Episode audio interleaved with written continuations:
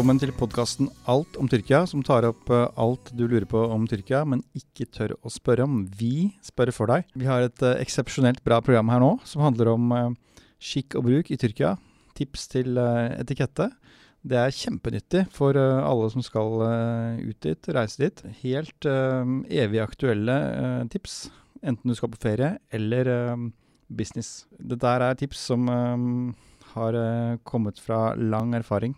Her i studio så er jeg eh, Fredrik Drevon og Mehmet Khan Jeg har en um, ganske god liste her med tips, og skal vi ta de mest juicy først her? Eller kanskje det aller viktigste, det er jo å lære seg litt tyrkisk. Hvis du kan uh, litt grunnleggende tyrkisk, uh, så kommer du veldig mye lenger enn hvis du kan ingenting. Og det er et veldig vanskelig språk for nordmenn å lære seg, men det går an å lære seg noen ord. La oss starte med et ord som uh, jokk. Betyr ingenting. Altså, det betyr rett og slett ingenting, men det er ganske viktig. Det er ganske bra ord, fordi du kan bruke det til så mangt. Eh, hvis noen eh, spør deg om noe som du ikke trenger, så sier du bare jokk. Stemmer det? Det stemmer nok. For kan, du kan bruke det i mange settinger, også i næringslivet. Ja, jeg, jeg, jeg, møtte en gang en eh, nordmann som hadde bodd flere år i Tyrkia, og han, han mente at uh, man kunne egentlig bruke det til alt. og bare han uttalte på litt forskjellige måter, så kunne han bruke det i de fleste sammenhenger. Det ble litt tynt i lengden, da, men uh, han har i hvert fall lært seg ett ord. Og hvis vi skal gå på noen andre ord som er veldig nyttige, så har vi f.eks. ekmek, som betyr brød. Jemek, som betyr måltid. Uh, jeg vil også uh, ha på der zeitin, som betyr oliven. Eller f.eks. denis, som betyr hav. Eller det er sånn du uttaler det. Sure. Denis. Dennis. Ja. Mm. Veldig fint ord. Archik, det er kjekt å kunne. Åpent. Åpen, ja, åpent. Vi kan jo bare legge på en haug med andre ord, som f.eks. Uh, altså det å si takk er veldig viktig. Det, det burde man kunne på, på det språket til det landet man reiser til. Men istedenfor å bruke standardordet teshikuller, så vil jeg anbefale å lære seg saol, som er litt mer avansert mm. for de viderekomne. Men man kan like gjerne lære seg det med en gang. Man kan også si teshekur ederim, jo, jo, eh, som er litt mer formell måte å si takk på. Ja. Men Saul er jo, er jo litt mer uh, anvendelig, da. For det, det, betyr jo noe med helse, gjør det ikke det? Sa? Jo, det betyr 'jeg håper du har det bra', på en måte. Uh, takk for at du hjalp meg, jeg håper du har det bra framover. Så da har du en hyggelig gest mm. i ordet. Det sier man ofte litt til eldre mennesker, eh, eller folk som er på høyere rang enn deg, f.eks. i næringslivet. Da sier du Saul. Eh, hvis du vil ha det enda mer formelt, så sier du gjerne til Shekur Ederim. Hvis du vil ha det på samme nivå da, med personen. Og når det gjelder uttrykk, så er jeg veldig glad i uh, Portugal Ordecal. Det betyr uh, ha det på badet, eller noe sånt noe. Altså, det betyr jo egentlig da appelsin. Ha det. Ja. ja. Uh, appelsin blir der. Ja. Egentlig, på norsk så vil det være ha det på badet. Mm. Veldig fint uh, uttrykk. Og jeg liker også veldig godt Kola Gelsin. Det er et veldig fint uttrykk, faktisk, for det bruker jeg ganske mye. Uh, det betyr 'jeg håper du har det enkelt'. Uh, det sier jeg ofte f.eks. hvis jeg skal passere noen som jobber i en butikk, eller folk som legger asfalt. Så sier jeg ofte Kola guys når jeg går forbi. For det er en veldig fin tilbakemelding de kan få. Vi har ikke noen ord som tilsvarer det på norsk, men på engelsk så ville du sagt da 'take it easy' eller noe sånt noe. Ja, men Collagensen er litt, litt finere måte å si det på også. For det, det, kan du si til hvem som helst uten å kjenne personen. Men hvis du sier 'take it easy' på engelsk, så kan, så kan det fort mistolkes også. Collagensen skal vel helst brukes til noen som jobber eller er på jobb? Eller kan man bruke det til, eh, til alle?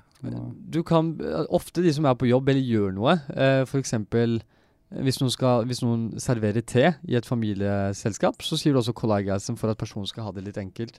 Men jeg bruker det ganske mye når jeg f.eks. sitter på en restaurant, har spist ferdig og skal gå. Da sier jeg ofte 'collagasm', for han kommer til å ha en lang arbeidsdag, f.eks. Ellers så har vi jo noen fornærmelser, som også er veldig kjekt å kunne. Men uh, vi skal ikke ta i for hardt her, det, det kan det eskalere. Vi, det er veldig fint å kunne noen sånne veldig milde fornærmelser. Og vi har jo, vi har jo det berømte teise, som betyr tante. Og det, det, det, kan man jo si. Uh, man kan nesten si det som en fornærmelse. Uh, som en slags mild fornærmelse. Uh, og det, det, er viktig å ha noen ord som, som treffer hvis man, hvis man, er i en knipe. Da. Jeg har også hatt litt glede av et annet uttrykk. Hiarolo hiar. Som betyr sønn av sylteagurk. Jeg vil ikke anbefale å bruke det, i hvert fall hvis det er jobbsammenhenger. Men det er veldig godt å kunne hvis du fort havner i en diskusjon med en butikkansatt. Jeg vet ikke da om de vil bli eh, sinte, eller om de vil bare ta det som humor. Det spørs litt hvem det er, men hvis du f.eks. sier Therese, tante, da, så spørs det veldig hvem personen er. Hvis det er en litt yngre dame som ikke definerer seg selv som gammel, så kan det fort bli en liten slåsskamp. Ja, men Hvis du blir irritert av en eller annen eh, person, og svarer du 'sønnen av en sylteagurk', eh, vil det funke? Jeg anbefaler ikke det, men jeg tror det kan bli litt rabalder, altså. Har du noen andre milde fornærmelser, som, eh, eller andre ord som kan, man kan sette seg i respekt med? Sette seg i respekt med. Eh, det er ofte bare å ha en hyggelig samtale. Eh, når du snakker med eldre, så snakker du ofte litt mer formelt, fordi en person er eldre enn deg. Men sånn i næringslivet når det gjelder rang, altså sånn hvis det er sjefen din, så har denne personen alltid rett, selv om personen egentlig ikke har rett, f.eks. i en diskusjon. Da må du bare akseptere det. Eh, og da sier du bare sånn eh, Doro diosun. Det betyr du har rett, eh, selv om du egentlig har feil, på en måte. Det viktigste tipset i tyrkisk eh, skikk og bruk er kanskje at du skal eh, forhindre at andre taper ansikt. For, for hvis det skjer at noen taper ansikt, eh, så kan det bli veldig pinlig for dem. Og i en slags æreskultur så er det veldig viktig å eh, forhindre det. Ja, hvis du fornærmer noen offentlig, f.eks. Ja, eller, eller eksponerer dem eh, og viser at de ikke har gjort jobben sin fra noen andre, f.eks. Ja, Ja. Eh, det er litt sånn tabu. Ja. Eh, da kan det fort bli litt krangel. Så hvis du forebygger det med noen, noen vennlige ord, så er du på rett vei. Ja. Det vil jeg si. Hva med çok güzel? Det betyr veldig fint. Eh, det kan du også bruke. Eh, til f.eks. når du er på en restaurant og syns maten er god, da kan du si choku der. Eller så kan du si det til plagget i butikken. Eh, du kan også si det i næringslivet når f.eks. du får sluttresultat på et produkt. Da kan du også si der. Noe annet som er viktig å huske på i Tyrkia, er å aldri si nei til chai. Chai er te som serveres i små timeglassformede glass. Stemmer. Eh, nesten som et rituale, drikkes hele tiden overalt. De koker opp en eh, slags essens som står og koker eh, kanskje timevis, og så får du vann oppi der, alt ettersom hvor eh, sterk eller svak du ønsker teen. Så kan du få i litt uh, sukker også, eller mye sukker da, hvis du, hvis du ønsker det. Hvor mange kopper chai drikker du i løpet av en dag i Bursa? Åh, det er mange. Jeg tror kanskje jeg drakk syv-åtte glass. Sånn uansett hvor jeg var, enten det var i en butikk eh, hvor jeg skulle kjøpe noe, f.eks. gull, når jeg var på en gullsmed, så var det sånn at jeg ble tilbudt chai, og da måtte jeg si ja. Eh, for han sa at her skal du være i en halvtime til, så det betyr at du er nødt til å ta imot den teen, når jeg sa nei, da. Så det er en symbolsk verdi eh, for den som gir deg chai, å gi deg den. Og, eh, og du som da forbruker eller kunde, du er nødt til å ta den imot. Enten ta et sipp eller to, eh, men den må du ta imot uansett. Ja, det er litt smålig å, å si nei til det. Det Ja. koster deg ingenting å si ja til en, eh, en Ja, chai. men så var det jo bare den tanken om at jeg orker ikke å få denne personen til å gjøre dette her for meg. Jeg vil ikke lage bry, på en måte. Eh, men eh, du ender opp fort med å si ja likevel, fordi du blir overtalt. Så er det slik at eh, selv om du sier ja takk til en kopp chai, eller en, et glass chai, så skylder du ikke den personen noe.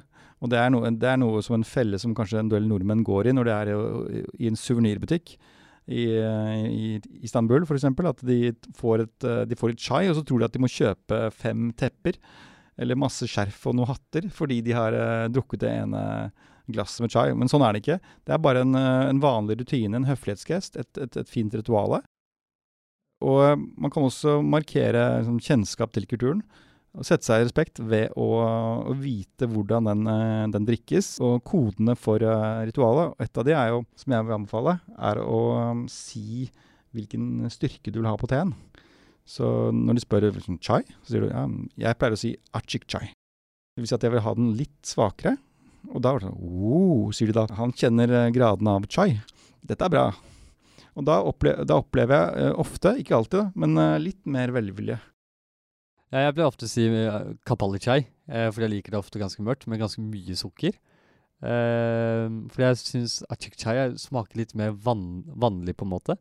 Men jeg er veldig glad i te. Når, det du sa om når folk blir tilbudt chai, eh, så tror mange nordmenn at eh, dette koster penger. Eh, men det er det ikke. Når du f.eks. sitter på en restaurant og har spist masse mat, så får du ofte chai eh, på slutten av maten, bare for å si tusen takk for at du var her. Og det må du ta imot. Da kan du ikke bare dra uten å ha drukket den. Eller så har du den tyrkiske kaffen, som eh, også kan følge et måltid. Du må spesifisere eh, hva slags kaffe du vil ha. Om du, om du vil ha den med mye sukker, eller medium, eller uten sukker. Da er det sade, som er da uten sukker, som jeg vil anbefale. Hvis du tar den med sukker, så er, forsvinner jo hele kaffesmaken. Og det er en kokekaffe, som er eh, nesten som en grøt. Du må vente litt til den synker.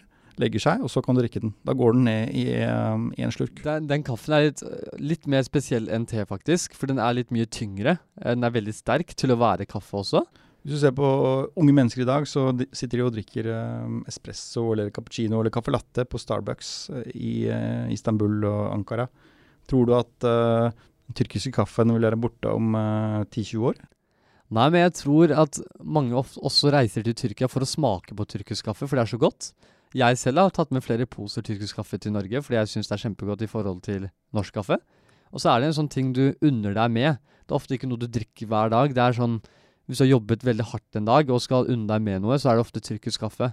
Når det gjelder ungdommer, så er det nok en eh, korrekt analyse at trenden har gått ned på tyrkisk kaffe, og at flere liker typ americano eller espresso. Et annet veldig bra tips i Tyrkia er å være åpen. Det kan jo gjelde for eh, mange land, men i Tyrkia spesielt så er det masse muligheter for eh, spennende møter, tilfeldige møter. Så klart man skal se an folk, trenger ikke å snakke med alle, men eh, det fins mange muligheter for spennende møter. En gang i Istanbul så mm, kom jeg helt tilfeldigvis i prat med en italiener som var blitt sufi-munk på et uh, sånn dervish-kloster. Han gikk rundt en uh, svære gevanter og en enorm ullhatt. Og Han var kommet fra Italia for noen år siden og flyttet på et kloster i uh, Istanbul. Sånne møter kan man ha stadig vekk. Det skjer også pga. at det er så utrolig mye folk der. Hva slags folk har du møtt? Jeg har møtt en del ulike mennesker, men jeg tror det er helt riktig at tyrkere er veldig åpen for dialog. Eh, når jeg f.eks. sitter på bussen eller minibuss for eksempel, eller taxi, og det sitter en tilfeldig person ved siden av deg, så kan man ofte fort slå av en prat eh, om hvordan været er, eller hvordan dagen til personen har vært. Det syns jeg er veldig hyggelig, og det tror jeg også har noe med den analysen om at det er veldig mange mennesker. Jeg har møtt en del ulike mennesker. Mange taxi, taxisjåfører, f.eks., som jeg har snakket med, har ofte en ganske morsom forhistorie om hvordan de ble en taxisjåfør. Hva er det vi ikke har vært innom her av eh, skikk og bruk som vi må ha med? Eh, hvis man er eh, norsk og kommer til Tyrkia og skal spise sammen med noen, hva er, hva er det som gjelder? Det du må passe på, er å ikke, bli, ikke være gjerrig når det gjelder mat. Altså typ sånn Hvis noen har lyst på noe fra deg, fra tallerkenen ditt Det er ganske vanlig i Tyrkia at noen har lyst på noe fra tallerkenen ditt. Da må du ofte ikke si nei, da må du gi det bort. Eh, og så er det sånn, hvis du går tom for mat, eh, så må du ikke bli sur, for det kan du få ganske mye av allerede. Så nordmenn på restaurant, da ser jeg ofte f.eks. tyrkiske servitører, da.